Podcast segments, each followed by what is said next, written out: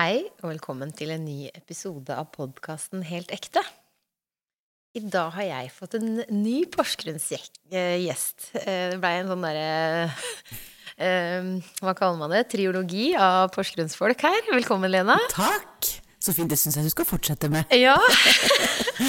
og jeg sa det til deg da du kom her, at jeg tror det har litt med den derre bearbeidelsen av har jeg rømt fra Porsgrunn? Ja. Jeg lurer på nå når jeg fikser ting, at jeg søker litt tilbake. Jeg syns det er utrolig koselig.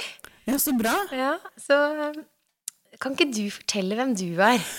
Jo, jeg heter jo da Lena Barth Årstad, og vokste jo opp rett opp i gata for deg, eh, og jobber som skuespiller. Jeg eh, har jobba som skuespiller i 23 år, faktisk. Mm, 24 til sommeren, ja. Jeg eh, gikk på LIPA, eh, Liverpool Institute for Performing Arts, også kjent som Paul McCartney-skolen. Eh, og var et av de første kulla som gikk på den, på skuespillerlinja der. Og jeg gikk der i tre år, og så blei jeg åtte år i London og jobba som skuespiller etterpå. Så flytta jeg hjem til Norge i 2007, når jeg fikk jobb på Riksteatret. Da var jeg på norgesturné i et år. Og så blei jeg sammen med en kamerat fra videregående. Eh, Trond fra Klyve, det var ikke planen. jeg trodde jo at jeg skulle finne en eller annen brite og bli i London resten av livet og sitte og lese The Guardian hver søndag og jobbe i West End og ja. Men så blei det sånn, og så flytta jeg hjem til Porsgrunn, da.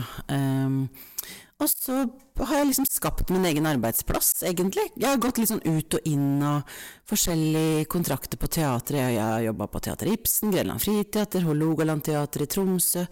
Og så har jeg laga ja, over 40 egne forestillinger som jeg, har, som jeg skriver og produserer og spiller i sjøl. Sommershow og juleshow i Porsgrunn og Skien og ja.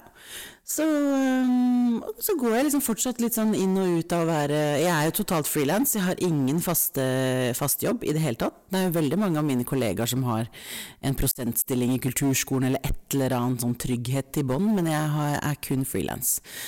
Så er jeg liksom støtt og stadig innom eh, teatret, hvor jeg har liksom stykkontrakt da, i, i en produksjon.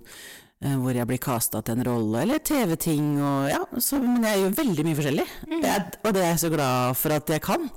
Og jeg elsker jobben min, og jeg føler at jeg er veldig heldig som kan leve av å være skuespiller, rett og slett. Det høres jo veldig ut som en enorm frihet. Ja. Ja, det er, jeg kan jo si ja og nei til uh, de jobbene jeg, jeg har lyst til å gjøre, og jeg er veldig dårlig til å si nei.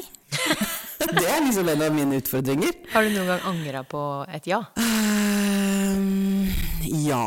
Det er liksom noen sånne Spesielt etter at jeg fikk barn. Jeg har en sønn på ti og et halvt år. Før jeg fikk han, så, så var jeg villig til å jobbe hele døgnet, og syntes det var bare gøy, og elska jobben min, og var overalt og stappa dagen full. Og jeg er fortsatt ganske flink til å stappe dagen full, men jeg vil heller ha en fri fredag eller lørdag med mann og sønn enn å måtte synge i et 70-årslag og tjene et par tusen, på en måte. Det er mye mer verdt å ha fri med de. Og det er de, de Jeg er så redd for å skuffe folk, jeg. Og alle føler at de kjenner meg i Porsgrunn. eh, Sånn at eh, jeg er så redd for at folk skal bli skuffa hvis jeg sier nei til å synge et 70-årslag eller 60-årslag eh, hos en trofast publikum, f.eks. Men det er liksom noe med det å prioritere, da. Ja. Ikke sant? Du vet jo du alt om, som også Ja. jobber mye, ikke sant? Og du sa jo at du hadde hørt på podkastepisoden med Mariann, at Ja. du kjenner Mariann fra før. Ja, Marianne og jeg har vokst opp uh, sammen, for foreldrene til Marianne og Ronny Deila da, er eh, venner med mine foreldre. Så søstera mi Linda og Marianne er like gamle, og Ronny og jeg er like gamle, så vi har liksom vært på besøk hos hverandre bestandig i helger, og de har vært ute hos oss på sommeren òg. så, eh, Og Marianne og jeg har fortsatt mye kontakt. Og da tenker jeg at du burde lese boka hennes og lære det der med å skuffe folk. Og det som er litt morsomt, hvis Mariann hører på nå, er at uh, if, eh, jeg har snakka så mye med Mariann om det der uh, å si nei, og hun sier du må bli flinkere, du må bare liksom sånn. Og i, i januar så ringte Mariann meg, hei, kan du holde Takk for maten-talen på Porsgrunnsballet sånn en uke før? Så sier jeg Fy søren, tenk at du ringer meg og spør om det. Du vet jeg ikke har lyst, men du vet jeg kommer til å si ja. så sa jeg ja, det, men det er sånn en gang i livet forespørsel, sa hvis du sier ja til det én gang, så blir du aldri spurt igjen. så da sa jeg selvfølgelig ja! Jeg gjorde det. Men det er litt morsomt eh, at det var Marianne av alle som spurte meg om det. Men eh, Senest på tirsdag så var vi ute og spiste, for da hadde Linda, søstera mi, bursdag. Og da eh, liksom snakka Mariann igjen om at du må bli flinkere til å, å si nei. Og det er liksom alltid et mål. Men jeg har liksom Jeg er glad i å glede folk, da. Og liksom hvis jeg kan det, så hvorfor ikke, på en måte. Det er jo noe av det med å Hvis man skal fortsette å glede folk til man blir gammel, Ja. Så er det kanskje det at man må glede seg selv litt oftere, og faktisk ta seg selv på alvor, og hva er viktig for deg. Og når mannen din og barnet ditt er så viktig for deg, så kanskje tenke litt mer langsiktig. Mm. Ja. Men det er jo så lett å si. Men hvordan trene på det? Det er det jeg har så lyst til at vi skal snakke om og oppmuntre Mm. hverandre til. Og... Men det er jo ikke det denne episoden her skal handle om. Det var gøy at det kom inn. Eh, det det skal handle om, er jo det at du faktisk har turt å gjøre det du gjør, og kan ha en eh, Være en gründer innenfor det å være skuespiller. Og, og hvorfor du har turt det, og hvor det kommer fra. Kan ikke du si litt om hvordan det var å være Lena da du var liten, og hvem Jeg har jo vært og synge i stua di da jeg var liten, Ja, ja. og det var jo mye sang og dans og gøy, og, Ja. eh, og det var Verden Busk. Vi drømte jo om å være med i Verden Busk. Det var jo liksom det store. Men eh, hvordan var det å være Lena da du var liten? Jeg har sikkert tvinga deg til å kore meg veldig, veldig mange ganger. Jeg har bilde av det.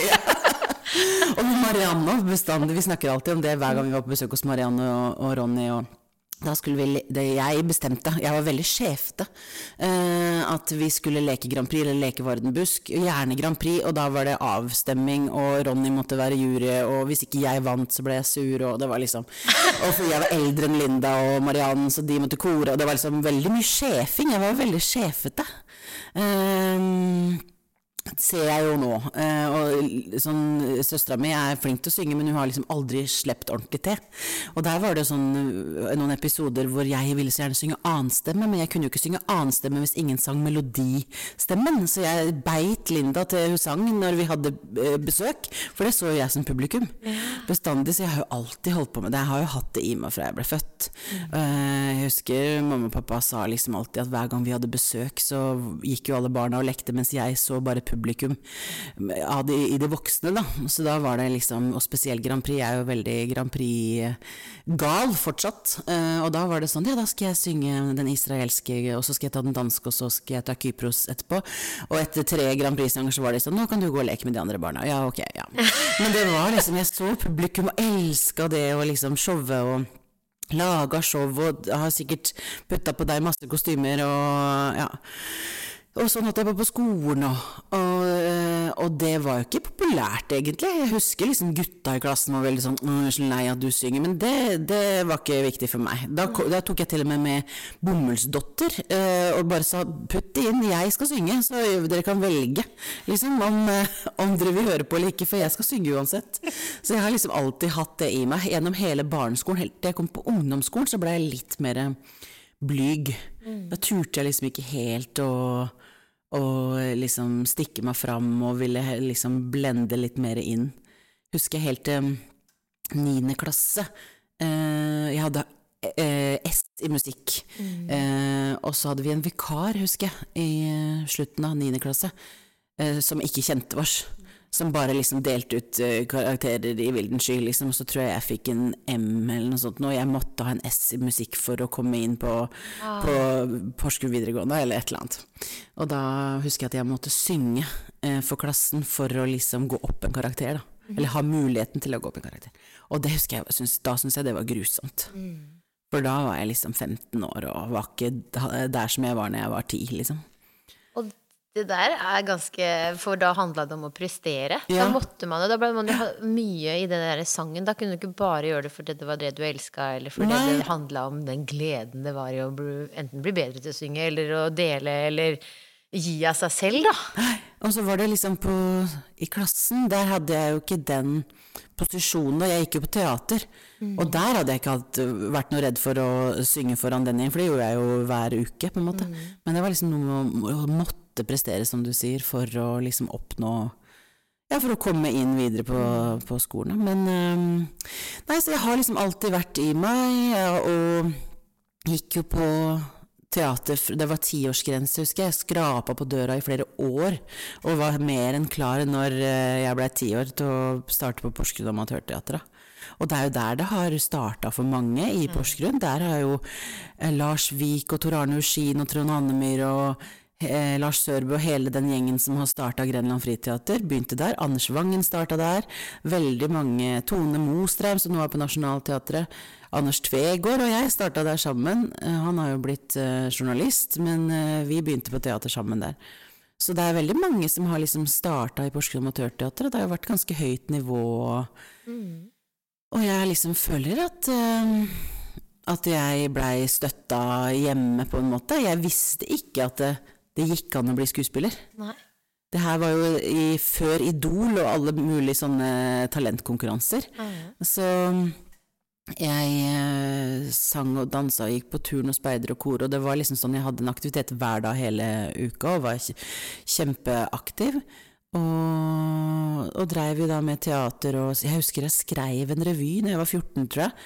Som jeg liksom bare sykla rundt til venner med manus. Og jeg hadde funnet ut at det på, i teatersalen i Porsgrunn så var det var døra åpen mellom da og da en eller annen dag i uka, så vi kunne snike oss inn og øve, og jeg var liksom helt obsessed med liksom teater og uh, Så allerede der så hadde jeg jo liksom det Den produsent og og tekstforfatter, eh, liksom interessen, tydeligvis. Men Eh, likevel da så så du ikke at det var en mulighet jeg visste ikke at det gikk an. Og så husker jeg liksom, jeg gikk jo på, for den gangen så var det ikke musikkdans- og dramalinje, det var musikklinje bare i Skien. Og det var, tenkte jeg det er bare for, for klassiske sangere eller en, noen som spiller et instrument. Jeg tenkte ikke at det, liksom, det var en mulighet for meg. Og så, så jeg var veldig opptatt av språk, og det er jeg fortsatt, veldig glad i språk. Og øh, bodde ett år i USA, eh, mellom første og andre klasse på videregående, som jeg tror også la en ganske bra grunnlegger for det jeg gjør i dag. Jeg tror ikke jeg hadde vært skuespiller hvis ikke jeg hadde vært i akkurat den lille byen jeg havna i. For jeg skulle først egentlig bo hos en familie på en bondegård i Nebraska, så langt i, midt i USA og langt i gokk som det gikk an å komme. Men så fikk jeg liksom beskjed bare noen uker før jeg skulle dra at den familien hadde opplevd et eller annet som gjorde at de ikke kunne motta en student allikevel. Så derfor visste jeg ikke hvor jeg skulle. Eh, Før, bare rett før jeg skulle dra, så fikk jeg beskjed om at nå har du fått en ny familie i en forstad i Chicago. Eh, mor, faren er reguleringstannlege, og mora er sykepleier og hula-hula-danser.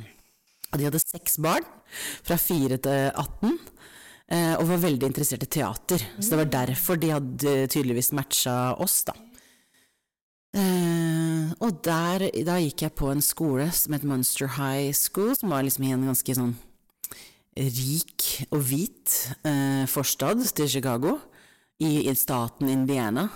Eh, så det var liksom helt på grensa til Illinois. Og, og der var det et kjempebra teatermiljø. Det var veldig fint teater på skolen, og det var et fag på skolen. eh, Veldig bra kor. Eh, og vennene til min vertssøster drev, alle drev med teater, så jeg kom liksom inn i en sånn fin gjeng. Og da var det audition for alt. Og da tenkte jeg at jeg kan jo ikke gå på audition. Jeg, jeg, jeg snakker jo ikke engelsk flytende. Jeg kan jo ikke spille et teaterstykke på engelsk, liksom. Det virka veldig fjernt. Da var jeg 16 år, da. Men så sa liksom alle vennene mine kan, kan du ikke bare prøve, da? Bare liksom gå på audition, og hva, hva skader det, liksom, hvis ikke du får rolle, liksom? Ja, ok. Så jeg gikk på audition, og så fikk jeg liksom masse roller og soloer, og, og dro dit med sånn full jantelov, og kom tilbake med liksom bare den selvtillit, og bare var helt sånn nå skal jeg erobre verden etter et år i USA, på en måte. Så det Og jeg tror Så jeg tror kanskje ikke liksom jeg hadde eh, fått liksom den det verktøyet, da, hvis ikke jeg hadde vært der borte og møtt de folka og kommet i den eh, gjengen, liksom. Det er veldig spennende eh, med Du hadde den enorme selvtilliten da du var liten, og så skjedde det noe Ja. når man er ungdom som gjør at du sier janteloven, her er det Hvor er det det kommer inn? Er det ting vi hører? Er det fordi akkurat vi er i tenårene? At det er en helt naturlig fase? At det blir mer observant til omgivelsene våre for å passe inn, for å sikre liksom, posisjonen vår? Det kan jo være, men, men det var jo ikke sånn i USA. Der var det jo mer eh, Der heia de på hverandre. Det var sånn kom igjen, da. De så kanskje ikke på deg som en konkurrent, bare som et bidrag. Ja, ja. Og det, det jo, da var jo de samme alder som det du ville være hjemme. Men det er jo bare måten vi er på her i Norge, da, eller er det Ja, altså jeg vokste opp i metodistkirken, og har eh, der Begge foreldrene mine vokste opp også der, og, og de møtte hverandre der på Speideren når de var 13 år, og jeg gikk på søndagsskolen fra jeg var to år, og gikk på Speideren og kor, og, og så jeg blei jo liksom, var jo kristen, selv om ikke jeg følte at jeg var sånn superkristen. Så ble jeg jo liksom sett på som kristen fordi jeg gikk i kirken, og det var jo ikke så veldig populært.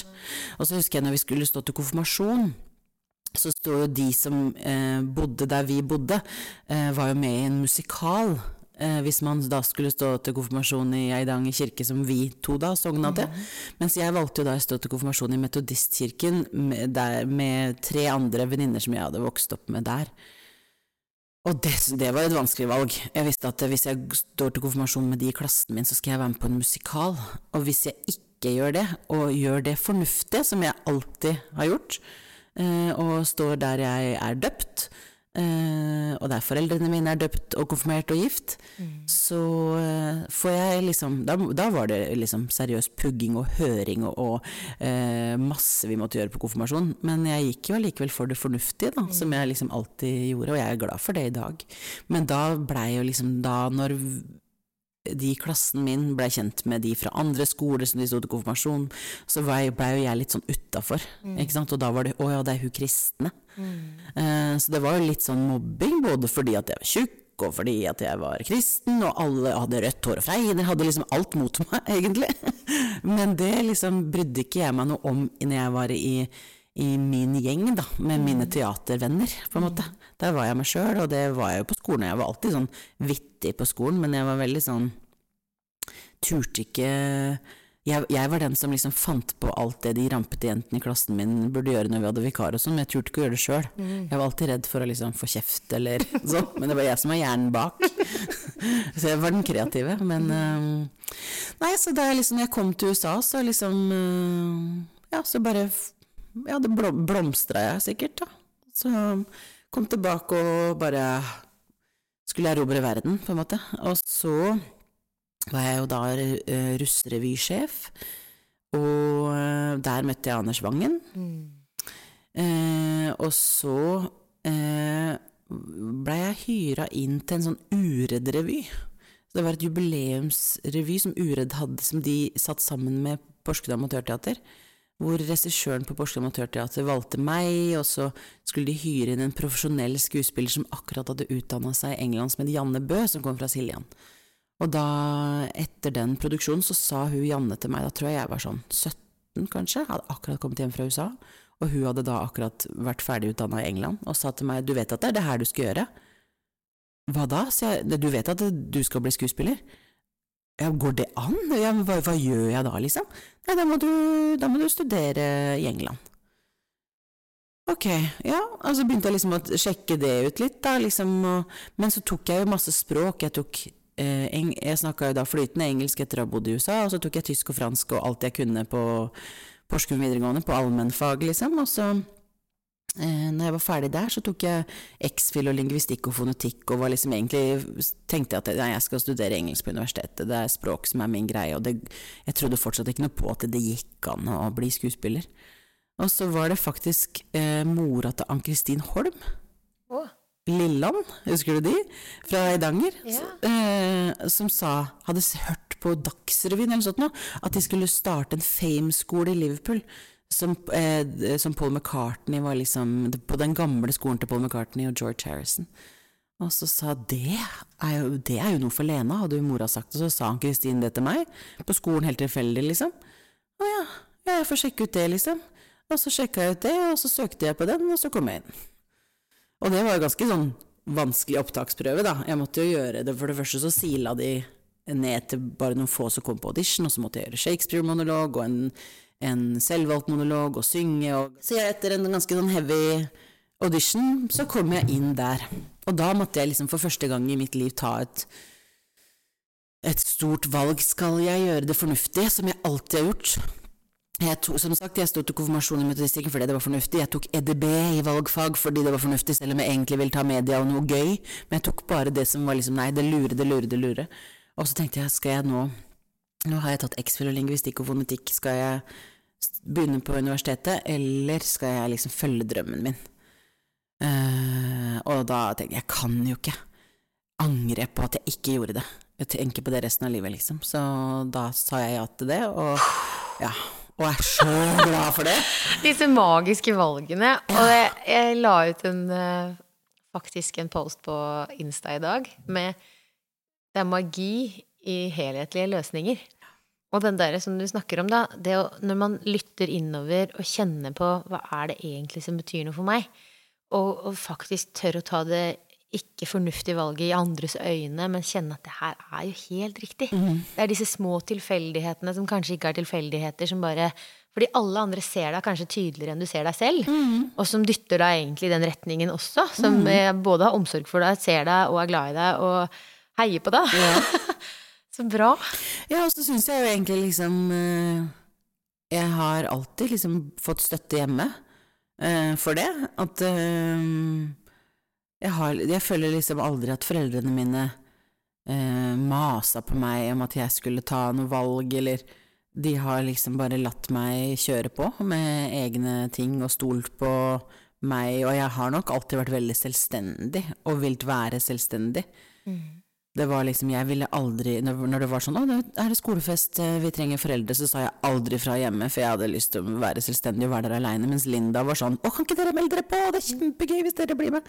Så vi var veldig forskjellige der. Og så har jo Linda, søstera mi, vært veldig fornuftig. Hun hadde jo master når hun var 23 i PR og sånn, så det, det hjelper jo litt ja. å ha en, en fornuftig lillesøster.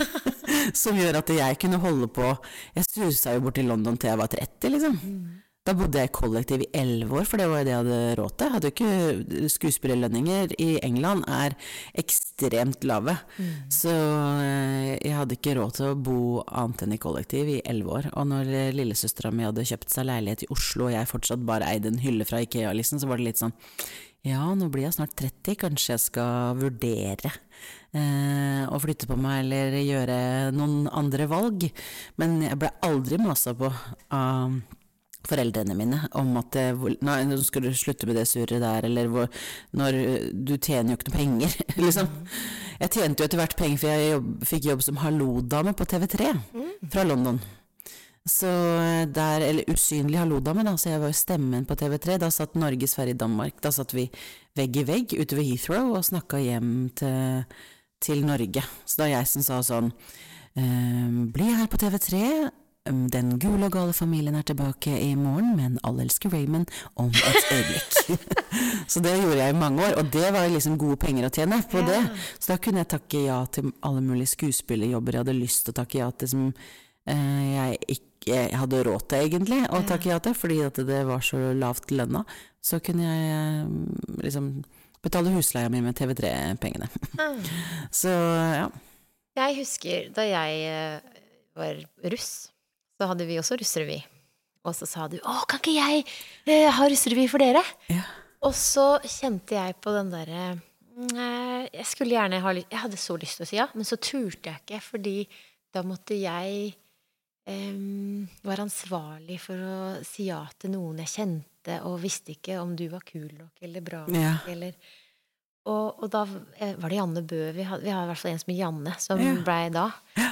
Jeg husker at det, det har egentlig plaga meg. At jeg ikke turte å si ja til det den gangen. Fordi det er den derre Hva er det som gjør at vi tør å stole på oss sjøl? Og hadde jeg turt å stole på meg sjøl den gangen, så hadde jeg sagt så kult, Lena! Mm. Endelig liksom kan jeg bidra til at du får en jobb, og kan du bidra inn her? Og så kanskje vi hadde liksom fått det så mye gøyere, så hadde den russerevyen blir enda bedre. Mm. Men det er den der med å ikke stole på synergieffekten fordi vi ikke stoler på oss sjøl. Mm. Vi, vi, vi, bare sonderer rundt etter hva er det alle andre her eh, Å slippe å ta ansvar for ting. Mm. Ja, men det, det skjønner jeg. Jeg skjønner jo det at ikke du følte at du kunne gå god for meg som regissør, eh, og hvis det ikke hadde funka med gjengen, ikke sant. Jeg, jeg ser jo det. Men likevel, jeg, nei, jeg tror det hadde blitt dritbra. Angrer. Det hadde nok det. Men Angrer, angrer, angrer på veldig lite, men akkurat det jeg har tenkt mange ganger og falt litt tilbake på. Ja, men da var det nok Janne Bø da, som gjorde at jeg blei eh, skuespiller. Ja, Som, da var det jo kanskje ja. ja, altså, det var nok en mening med det. det. Derfor var det payback til Janne. Så jeg er bare glad for at Janne fikk den jobben. ja, men da kan du være glad for det likevel. Eh, og så nevnte du også Anders Wangen. Mm. Og når jeg nevner at jeg kommer tilbake til Porsgrunn nå, så må jeg være veldig stolt av Porsgrunn som faktisk har lagd en statue av Anders Ja. Vangen. Mm. Kan ikke du fortelle litt om han? Jo, Anders Vangen er jo liksom eh, Han var jo Telemarks store sønn, vil jeg si. Eh, sånn nasjonalt så er det nok mange som kjenner til Anders som sanglæreren til Emil og Didrik, og Jan Erik Filland og Arild Bakke og hele den eh, Og Andreas Hoff og hele den eh, operagutta-gjengen som Anders starta.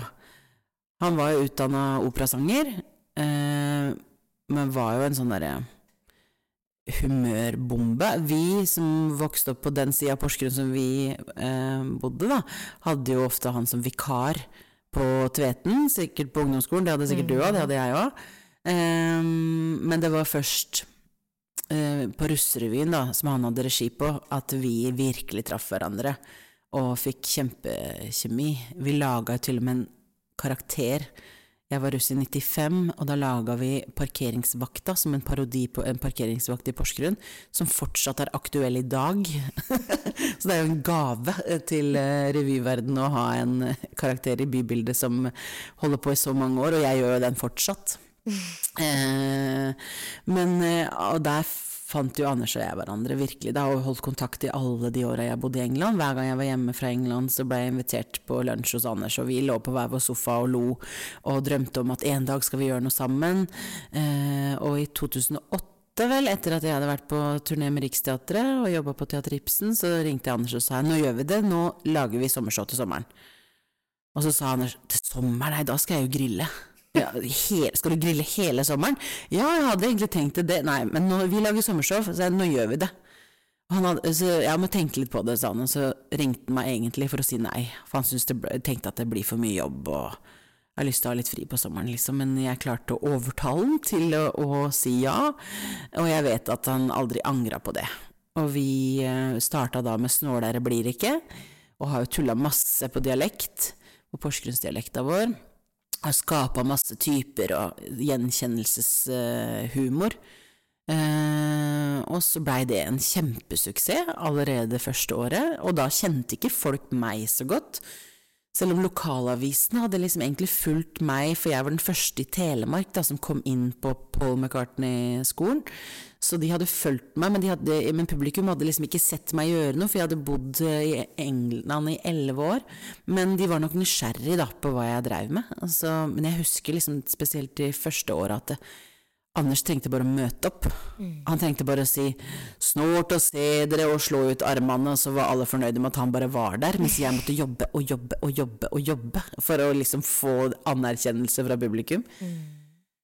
Som eh, jeg egentlig følte at jeg fikk ganske fort. For de skjønte at Anders og jeg eh, hadde det så bra sammen oppe på scenen, og hadde så god kjemi og hadde det så gøy sammen. Så blei det fem år med sommershow, og så døde Anders ganske brått. Eh, I mai. Eh, 19. mai. Før eh, I 2013, før vi skulle ha premiere på vårt sjette sommershow. Så det var et veldig Det var et rart år. For det første så var jeg Jeg fikk Theo, sønnen min, i januar.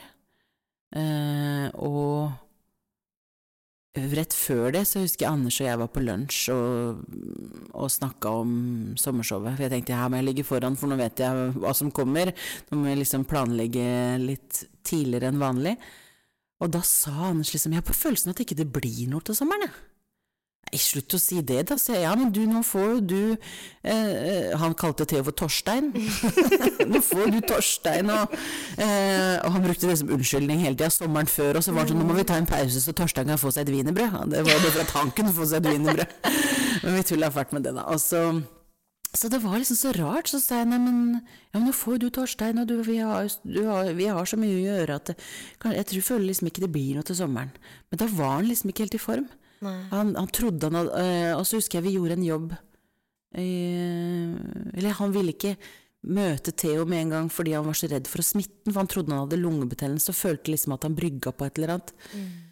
Og så husker jeg vi gjorde en jobb i mars, og da var han ikke I Sandefjord, faktisk, og da var han ikke i form. Jeg merka liksom Men vi trodde jo liksom at det var bare noe sånn luftveisinfeksjon eller et eller annet, da. Men så var det Fikk han hjerteinfarkt. Mm. Og så ble han sendt til Arendal og fikk en stent, og det blei liksom Og da fikk han en ny Viv. Da var han liksom helt sånn der, og det var på forsiden av alle avisene, og jeg gleda meg til sommeren, og, Lena og jeg skal ha det beste showet noensinne, og det var liksom han var skikkelig liksom eh, Hadde et nytt gir, på en måte, og så fikk han et hjerteinfarkt til som han ikke klarte. Og da lå han lenge i så kunstig koma. Så det var faktisk på dåpsdagen til Theo uh, at han, uh, han skulle jo egentlig vært der. Jeg husker Jan Erik Filland ringte meg på kvelden og sa at nå Vi skjønte jo hvilken vei det kom til å gå. Så da tenkte jeg ja, da er det kapitlet lokka. Men så, i begravelsen, så blei det lest opp et brev som Anders hadde skrevet fra sykehuset, eh, hvor han hadde liksom en, en, hilsen eller en beskjed til alle ja, alle oss nærmeste, egentlig. Og da sa han eh, Kjære Lena, eh, snålere blei det ikke, men spill på. Og da tenkte jeg ok, ja, jeg må bare gjøre det.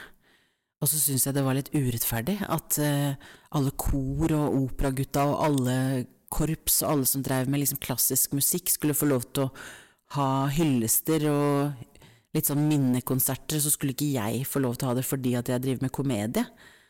Så tenkte jeg lenge på hvordan kan jeg liksom få lokka dette kapitlet og få hylla han og vårt samarbeid og vårt vennskap på en litt sånn verdig måte, men med glimt i øyet, på en måte. Og så laga jeg en forestilling den sommeren, da, som vi egentlig skulle spilt vårt sjette sommershow, som het Snålere blei det ikke.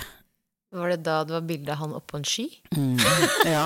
Og Theo i vogna, og det var Jeg har, har tegna plakater hvert år. Det er en uh, illustratør i Skien som uh, heter Per Ragnar Møkleby, som tegner alle plakatene. Så det stemmer. Og det, da husker jeg jeg hadde mange runder med foreldrene til Anders og broren hans eh, hvor de var sånn veldig skeptiske fordi at jeg drev med komedie og skjønte ikke hvordan dette her kunne bli verdig, på en måte. Men så liksom gikk det noen dager, og så tenkte de jo, det er jo veldig fint. Mm. Og så var det nei. Så, så, jeg var liksom sånn av og på med knapper. Jeg hadde jo ansatt band og eh, lyd og lys og allerede utgifter for mange hundre tusen, ikke sant, og så begynte å selge billetter og ikke sant, alt det her maskineriet som ble satt i gang.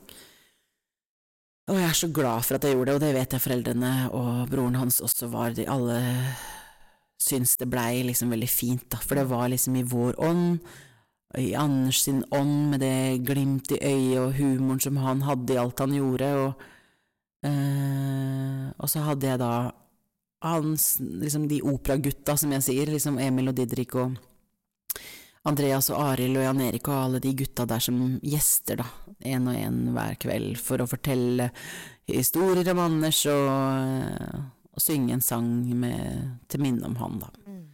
Mm. Så da liksom fikk jeg lokk, følte jeg liksom Nå fikk jeg liksom lokka det kapitlet ordentlig. Det er så fint det der med at livet Døden er jo en del av livet, sånn helt klart, men det at det ikke bare trenger å være trist. At ut av de forferdelig kjedelige tingene som skjer, så kan mm. man også få noe veldig fint. Mm. Så det du gjorde da, så utrolig fint. Mm.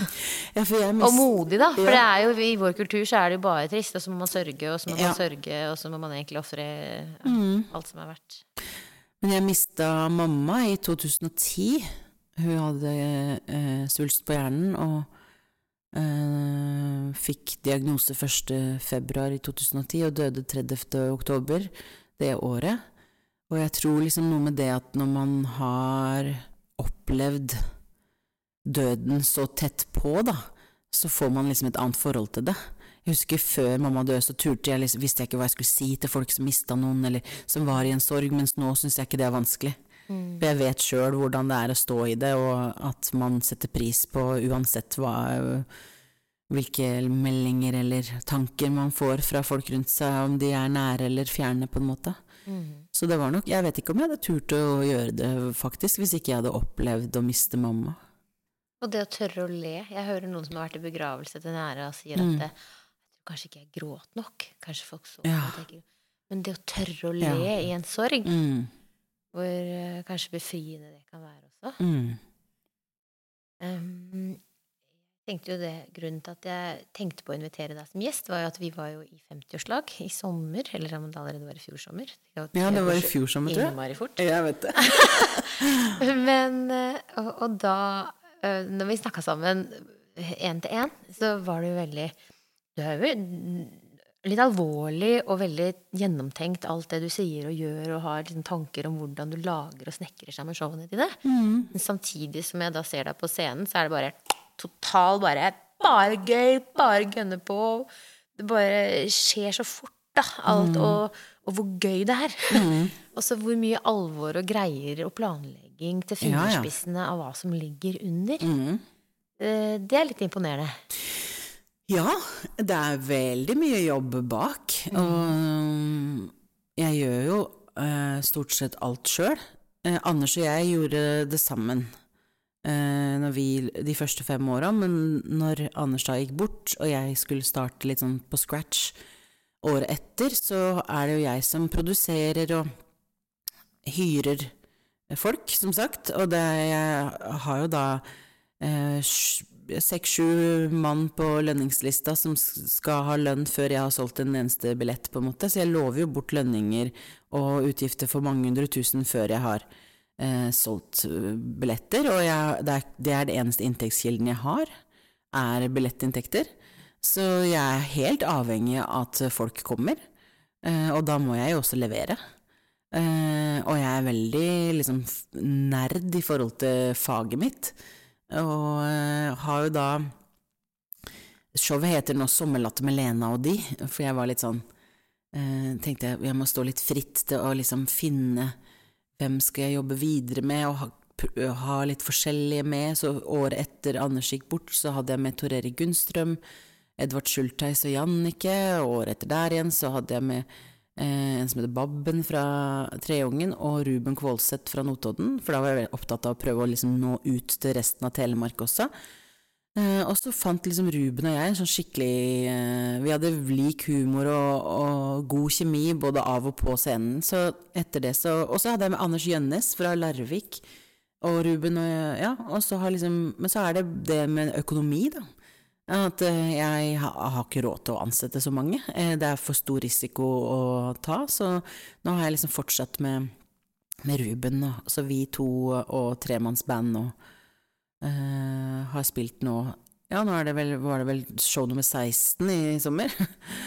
så Og det er Vi er Både Ruben og jeg er veldig sånn nerdete på når vi skriver tekster, da. Så vi sitter og flikker og vrir på hvert ord og hvert komma og tenker hvis vi snur om på den setningen, så får vi to latre, og legger trykk på det. Og, så det er veldig sånn detaljert. Uh, men vi elsker jo det vi gjør. Og, mm. og, så, men det er det som er utfordringen, at jeg skal lage et billigere og bedre show for hvert år. Mm.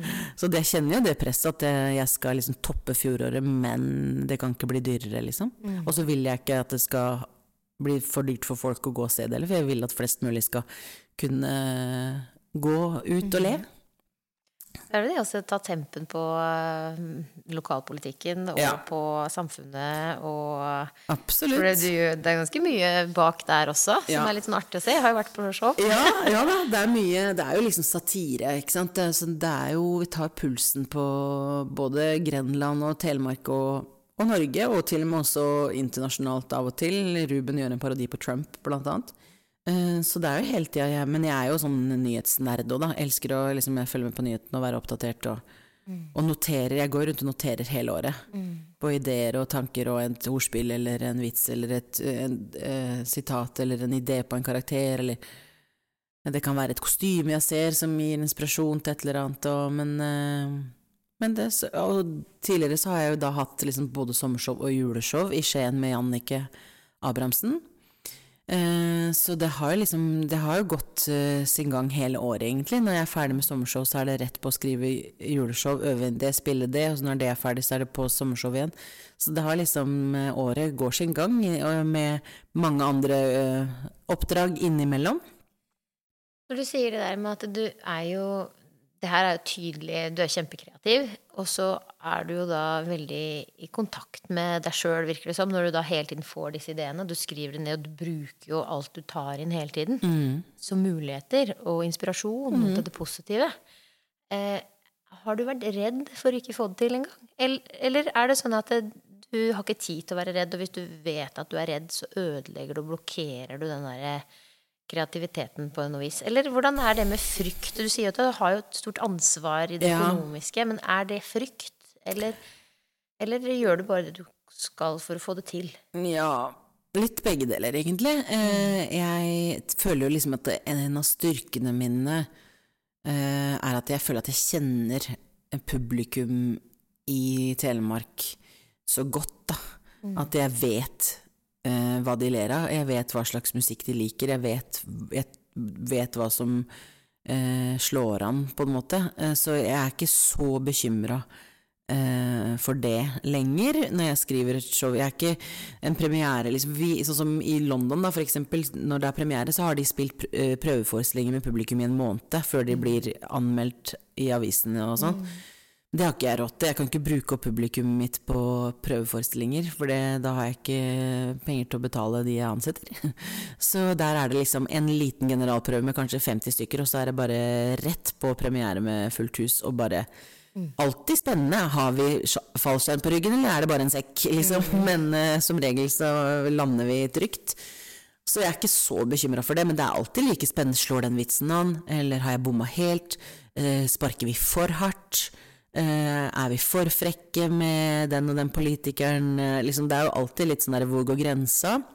Og spesielt nå, de siste åra, så er det jo nesten ikke lov til å tulle med noe lenger. For alt er jo krenk. Jeg husker jo da på 50-årsdag, ja. når du sa etterpå til meg, og du har jo ikke lyst til å skuffe noen, Nei. og du bare Jeg ser du kjører Tesla. Blei du fornærma med den der Model SS? Men det er jo litt det der Alle elsker å hate Tesla-sjåfører, så det er jo sånn man får heve seg over, eller Jeg har et nummer hvor jeg tuller litt med det. Så det liksom, men det er, det er det, da. Ikke sant? Jeg er egentlig ikke så Jeg er ikke så redd for sånt, men jeg er, liksom alltid litt sånn bekymra for det praktiske og økonomiske. Jeg, går, jeg har som regel premiere i august, og går hele sommeren og liksom bare Nå har jeg nesten dekket alle lønningene, liksom. For det var ett år. Jeg eh, tjente 22 kroner sjøl, liksom. Jeg hadde jobba 300% i åtte måneder eller noe sånt nå. Så bare ja, da ble det 22 kroner i lønn. Eh, men ja, alle de andre fikk betalt, i hvert fall. Så da er det greit. Liksom, så sånn er det jo. Og sånn har Jannik og jeg holdt på med på, i enda større skala, nesten, på Parkbiografen i Skien. Der har vi hatt 25 stykker servitører og og band og alt mulig folk eh, til julebordshow da, som skal ha lønn før oss, overskuddet er eh, lønn til oss, liksom. Jeg husker en sånn derre nyhets da jeg var liten, om at Dolly de Luxe gikk med millioner De gikk personlig konkurs på Ja. et show de satte opp. Mm. Og det satte seg som en sånn derre For det er jo det verste som kan skje, tenker jeg. Mm. Men da har man jo kanskje gjort litt Hatt kanskje litt for store drømmer til å eh, lodde virkeligheten. Ja. Så har man ikke vokst helt i takt, da, kanskje med Nei, drømmene sine, kanskje. nei. Jeg er veldig optimist av natur og tenker alltid veldig positivt og er, tenker alltid at alt ordner seg, liksom. Men jeg er også realist, da, når det kommer til sånne ting. Men øh, Nei, så jeg tenker liksom Jeg fortsetter så lenge publikum øh, fortsetter å komme. Og så lenge jeg syns det er gøy. Og at jeg har, føler at jeg har noe å melde. Er også om at du hadde noe språk Du er jo veldig glad i språk. Mhm. Og så hadde du jo lyst til å sette opp Du satte opp en forestilling Mhm. om noe språk. Ja. eh, Og det, du, det som jeg syns var litt spennende med den, var at du fikk så mye negativt om navnet på grunn av at det var noe som kunne misforstås, at det var noe som var litt likt. Ja. At det var da en konkurranse der. Kan ikke du fortelle litt om det? Jo, jeg har jo som sagt alltid vært veldig glad i språk, og har godt språkøre, og, eh, og har, har alltid liksom herma etter dialekter fra jeg var liten. Farmora mi drev eh, en kolonialbutikk, eh, og jeg bodde i andre etasje der til jeg var fire år, og gikk rundt og herma etter alle kunder og dialekter, og så har alltid vært opptatt av det. Og så Eh, ja, så blei jeg vel egentlig Det var vel egentlig Jeg blei spurt om å være gjest på Sommerbåten med NRK. Um, når de skulle til Langesund, så ringte Jeg vet ikke hvordan jeg havna på blokka der, men da ringte i hvert fall uh, redaksjonen der og spurte Hei, kan ikke du være gjest når vi kommer til Langesund, så du kan lære Dan Børge Aker og grenlandsdialekt? Ja, nei, det kan jeg vel. Um, og da var det en språkguru, uh, Rolf Teil, som er en sånn uh, lingvist som har jobba på, på um, uh, Blindern i 50 år, som snakker 100 språk, og er fra Eidanger, egentlig, i Porsgrunn. Som, som, kommenterte under at uh, han mente at jeg liksom dro for mye på, og at uh, Ja, og, og sa at, at, jeg tulla litt for mye med dialekta på NRK, da. Og så, tenkte, og så blei han og jeg invitert på en sånn språkkveld på biblioteket i Porsgrunn. Og så tok jeg tak i han og sa liksom Men når bodde du her sist? Nei, han hadde flytta på 60-tallet. Så sa jeg men da tror jeg det faktisk har skjedd ganske mye siden da, for jeg liksom er veldig konsekvent på at jeg liksom Jeg overdriver aldri dialekta mer enn jeg kjenner noen som snakker sånn. Jeg har blant annet en svigerinne. Liksom, det tenker jeg, der går grensa. Liksom. Der, hvis, hvis, hun ville sagt det, så er det liksom Da er det folk som snakker sånn. Ja. Eh, men det er jo mye med vokallydene da, som gjør at eh, grenlandsdialekta er litt spesiell.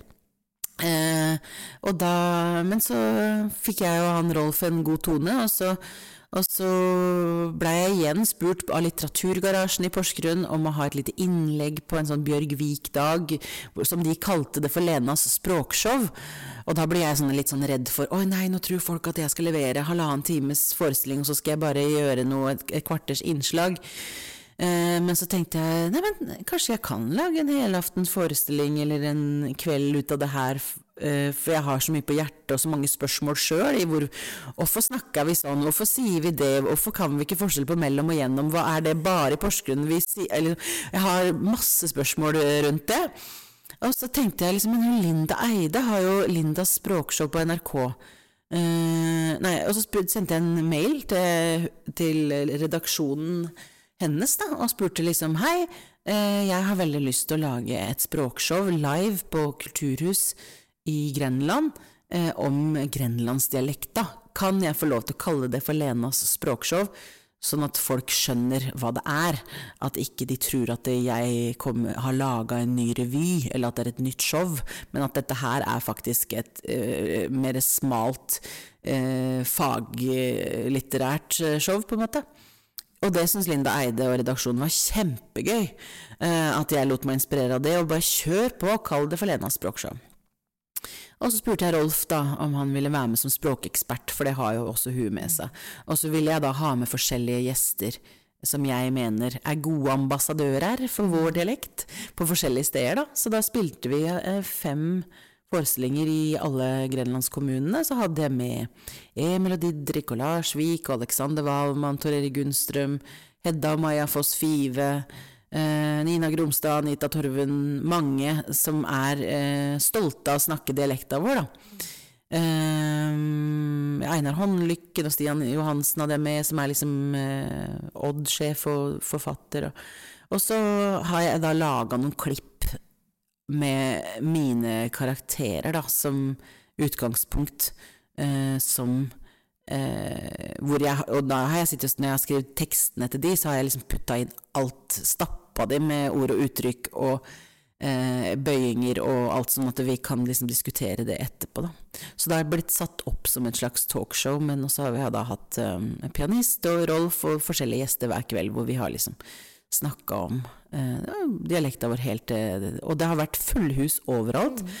Utsolgt i Elvespeilet, 400 Jeg tenkte liksom det her blir veldig smalt. Det er sånn, det er 20 andre som er interessert i det her. Men det var litt Folk er så opptatt av, av liksom røttene sine, og hvorfor, eh, hvorfor det er sånn som det er, og så fant vi jo liksom egentlig ut at eh, vi er ikke så spesielle, egentlig, som vi trodde vi var. Jeg trodde liksom at å, nå får vi svar på at det er bare vi som sier sånn, og så sier Rolf nei, sånn sier de i Larvik, sånn sier de på, i Nedre Eiker, sånn sier de i Tønsberg òg, sånn sier de Så det er liksom bare noen få ting som eh, gjør grenlandsdialekta spesiell, og det er vokallydene, som er litt mer nasale og smalere enn andre breie østlandsdialekter. Og så er det mm, at vi sier eh, ma og sa, ikke mæ. Jeg kosa meg, jeg gleda meg. Vi sier ikke 'jeg gleda meg', vi sier 'jeg gleda meg'. Jeg gleda meg til å komme hit i dag. Eh, Og det er liksom veldig spesielt. Og det er veldig vanskelig å, å vanne ut. Yeah. Så ofte, da, hvis jeg hører noen på Dagsrevyen eksempel, som prøver å vanne ut grenlandsdialekta si, så er det veldig sjelden de tar bort ma. Så det kan man liksom ofte avsløre. Så det blei ikke noe konflikt med navnet? Det gikk bra? Det, Ja. ja, ja, ja, men så bra, da. Og jeg tenker jo bare sånn med hvordan du eh, som du sa, kritiserte egentlig at du dro til i starten. Og dette kunne ha blitt med sånn der Hvis du hadde vært usikker på deg sjøl, så. Herregud, han liker ikke meg, og jeg liker ikke han Ja. Men, men at du faktisk var nysgjerrig på hva var grunnen til at han mente det han mente. ja. Og så ut fra det snakke sammen, og så endte det med et kjempebra samarbeid. ja. Og Absolutt. fantastisk. Ja, for jeg er veldig opptatt av at eh, jeg gjør aldri noe halvveis. Jeg gjør aldri noe sånn sleivete, bare sånn fort gjort og så videre. Liksom. Jeg, gjør, jeg er veldig opptatt av at det skal gjøres ordentlig. Eh, og sånn er det. Jeg, er også med i en um, NRK-serie som heter Jordbrukerne. En dramakomedie som ligger på NRK. Um, hvor jeg snakker um, uh, raulandsdialekt. Og da når jeg var på audition for den den har eh, vunnet flere Cannes-priser, blant annet. Jeg kan skryte litt av det. Eh, og da var jeg på audition. Da gjorde jeg audition på normert bokmål og på grenlandsdialekt, og på liksom så godt raulandsdialekt jeg kunne improvisere der og da. Og så var det en svensk-makedonsk regissør som sa nei, men vi vil at eh, hun skal snakke raulandsdialekt. Og jeg tenkte han vet ikke hvor vanskelig det er. Men da, da fikk jeg beskjed om at nei, det skal gjøres ordentlig. Vi skal ha språkcoach, og du skal få alle replikker innlest på raulandsdialekt. Og det skal gjøres ordentlig. Og det, da blir jeg veldig glad for at jeg, jeg skal ikke bli tatt på noe. Nei. Jeg skal ikke bli tatt på å gjøre noe feil. Liksom, jeg skal, det skal være ordentlig. Så jeg er opptatt av liksom, at faget mitt er liksom det, ja. Og så var det litt morsomt, da, fordi jeg har tulla med Anne Longvik, som er programleder på eh, Telemarkssendinga på showa mine i alle år, for, som er fra Rauland. Og der har vi overdrevet og tulla sånn Høtte hadde de kan tenkt å gjøre med det, og, og sånn. Og så får jeg replikkene innlest fra Rubicon, og så er det Anne Longvik som leser mine replikker. Jeg så ringer Anne, er det deg som leser replikkene mine? Ja, det er jeg som skal spille den rollen, så hun syns jo det var veldig morsomt, da. At jeg tulla med hun, og så var det til slutt hun som skal liksom lære meg å gjøre det ordentlig. Så da gjorde vi det, og det var kjempeutfordring og kjempegøy. Eh, å liksom få spille på en annen dialekt. Jeg var i Brasil med sønnen til Anne Langvik. Så jeg var hjemme hos henne. Og jeg husker Ja. også vi tulla med Pizza Hut. Ja. faktisk eh, Ja, ja, ja. For de sier jo 'høtt er det'. Ja, eller, ja. ja. Nei, så det er um, morsomt. Nei, så gøy. Mhm. Jeg bare syns det er fascinerende gøy å høre på. Og det med skuespill for meg har vært veldig sånn at det, det går jo ikke an å leve av sang og dans og skuespill. Det, har du hørt at ikke det går an? Ja. Ja da. Eh, og jeg tenkte jo liksom sjøl Går det an, da? Liksom, hvordan fungerer det? Og liksom eh, Og det er jo det, det holder liksom ikke å ha et talent, da. Eh, jeg tenker ofte så kommer talent litt sånn på tredjeplass. Det er først og fremst hvem du kjenner, hvor du er, om du er på rett plass til rett tid. Eh, og så er det hvordan du ser ut, og det er ikke nødvendigvis om du er tjukk eller tynn eller pen eller sånn, det er bare er du riktig for rollen. Ofte kan det være en fam familiesituasjon, at du skal ligne på eh, et barn eller en mor eller en far, eller at, det, at man ikke passer inn, liksom. Og så er det talent. Etter det igjen, liksom. Så jeg er jo veldig glad for at jeg har det eh, skapergenet, da. At jeg har liksom en entreprenør, eh, gründer i bånn. Eh, for det, jeg hadde nok ikke kunnet leve av det hvis ikke jeg hadde hatt det. For jeg kjenner jo mange som jeg gikk i klasse med, som var fantastiske skuespillere. Som var liksom best i klassen, men som ikke har det. Som har liksom siden bare sittet og venta på at noen skal ringe og tilby dem en rolle. Som ikke har evnen til å skape sjøl, ikke har evnen til å skrive sjøl. Heller ikke har evnen til å kanskje selge seg sjøl inn, for det er jo like viktig. I begynnelsen så gjorde jeg nesten ikke annet enn å bare nettverksbygging, og var på alle mulige steder i London for å liksom bare si hei, jeg eksisterer, og møte de rette folka og sånne ting. Så det Så Hvis vi begynner å avslutte der vi starta, med at dette her er jo hva du gjør riktig av mentaltrening. Du tar faktisk action og gjør det du kan, og ikke ser der og bare sitter og venter og er et offer i det at eh, Nei, det gikk ikke for meg å bli skuespiller. Det er så vanskelig, det er i hvert fall ikke i Porsgrunn. Og så bruke det som unnskyldning i resten av livet. Nei, Så, helt, helt riktig. så det er derfor jeg har det her. som et godt eksempel, og Ja. som en inspirasjonskilde. Nei, man må, man må bare ikke gi seg. Nei. Men jeg sier jo det til når, når yngre, aspirerende skuespillere da, eller artister spør meg, så sier jeg at du må ville det 100% Hvis du bare vil det 80% så burde du ikke gjøre det. Nei. For at det er et eh, hardt yrke, og det er mer nei enn ja. Eh, hvis man ikke skaper sjøl og bare går på audition hele tida, så er det liksom uh, Jeg har fått så mange nei, nei, nei, nei, nei, og jeg får det hele tida, og jeg må, kan ikke ta det personlig. Det er ikke fordi at jeg ikke er en god skuespiller, det er bare at jeg var ikke riktig for den rollen. Uh, Det var en annen som var riktig, jeg var ikke høy nok, jeg var ikke tynn nok, jeg hadde for langt hår, jeg var for gammel, jeg var for ung. Det er liksom Sånn er det bare, liksom, og det er en del av yrket. Og det, jeg har alltid vært så redd for få nei. Jeg har vært så redd for å spørre om ting, for jeg er så redd for å få nei. Etter at jeg starta den podkasten her, og Mm. Ja. spør hytt og gevær om hvem Ja. som skal være med, og jeg får så mye nei. Oh. Men uh, jeg er jo likevel blitt så åpent å prate med folk, og Ja. er ikke redd for å prate med noen lenger. Det virker kanskje ikke som jeg har vært det før heller. Men jeg har hatt mye mer sånn derre mm, Litt mer skeptisk, lest andre på en veldig sånn Trodd negativt om hva de tenker om meg til. Mm, Men da er det bare sånn ja. ja.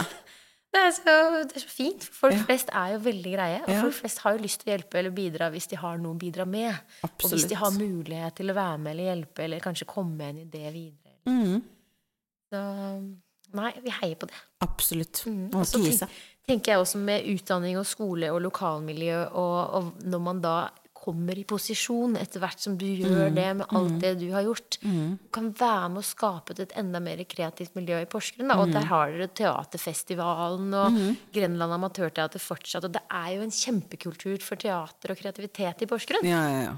jeg vet Grenland Friteater er helt fantastiske. De har liksom Ja, det er jo de som er kulturgrunnleggerne i Porsgrunn, på en måte. Ja. De er kjempeflinke til å bruke oss eh, frilansere, og bruke byen. Og Ja. finne alle mulige skjulte perler i Porsgrunn. Så det er en veldig yrende kulturby, og fantastisk å bo der, egentlig. Jeg syns det er kjempedeilig Ja. å bo i Porsgrunn. Altså så deilig å ikke stå i kø i to timer, sånn som jeg i London. Så når jeg jobba på TV3, så tok det meg én time og tre kvarter å komme til jobb hver eneste dag. Ja.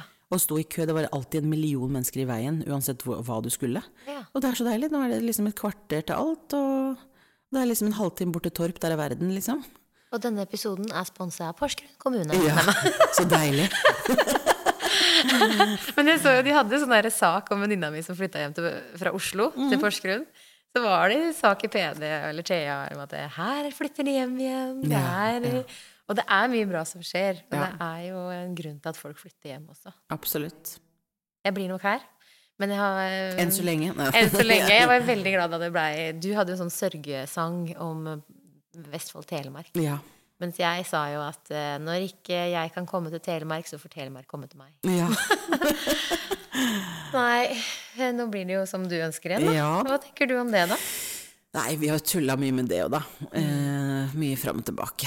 Jeg syns jo det har vært litt sånn eh, Ja, sløsing med masse statlige midler. Liksom, hva, hva var vitsen med det her, da, liksom?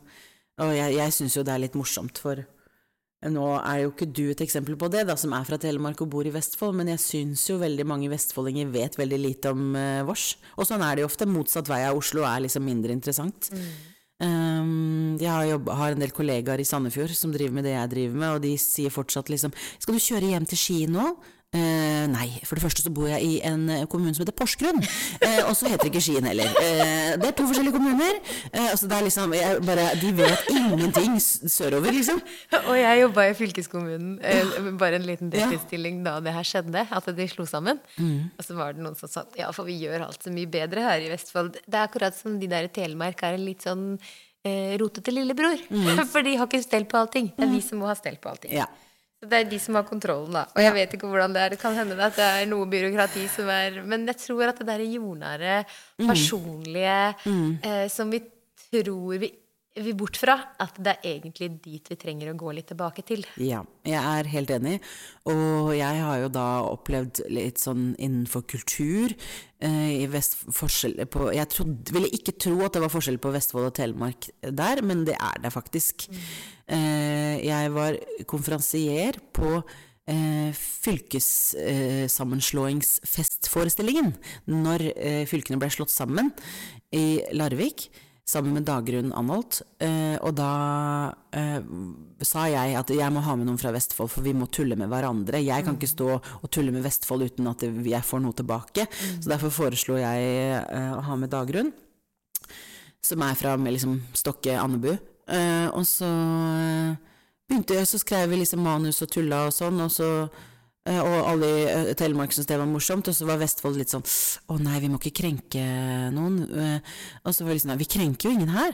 Ja, men er det greit å tulle med Sputnik? Ja, det er greit å tulle med Sputnik, liksom. Men han blir ikke krenka, liksom. Det var de i Vestfold på kulturkontoret veldig bekymra for. Nei, det går veldig fint. Kan vi tulle med Vest-telemarksdialekta, liksom? Blir de krenka? Nei, de blir ikke krenka det. Det er helt greit å tulle med sånne ting. Så det var liksom veldig stor forskjell på hva Telemark kulturkontor mente var innafor, og hva Vestfold mente var innafor.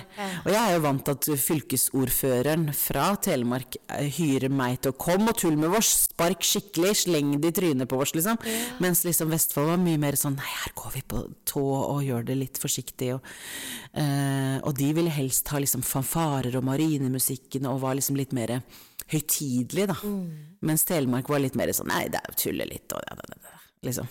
Og det er på godt og vondt, tror jeg. Ja. Jeg tror at hvis man eh, For det er jo mye kritikk der, og litt den der, Når man kan tulle med det, så ufarliggjør man den der dårlige eh, synet man har på andre. Mm. Så, og det er jo noe jeg ikke liker ved det. Men det jeg liker ved at hvis man er trygg på seg sjøl nok til å bli tulla med, og virkelig hever seg over det, så blir takhøyden så stor, da. Mm. Og da, da, kan man Og etter at jeg har gjort den jobben i meg som gjør at jeg er mye tryggere på meg sjøl, mm. så blir jeg jo aldri fornærma lenger.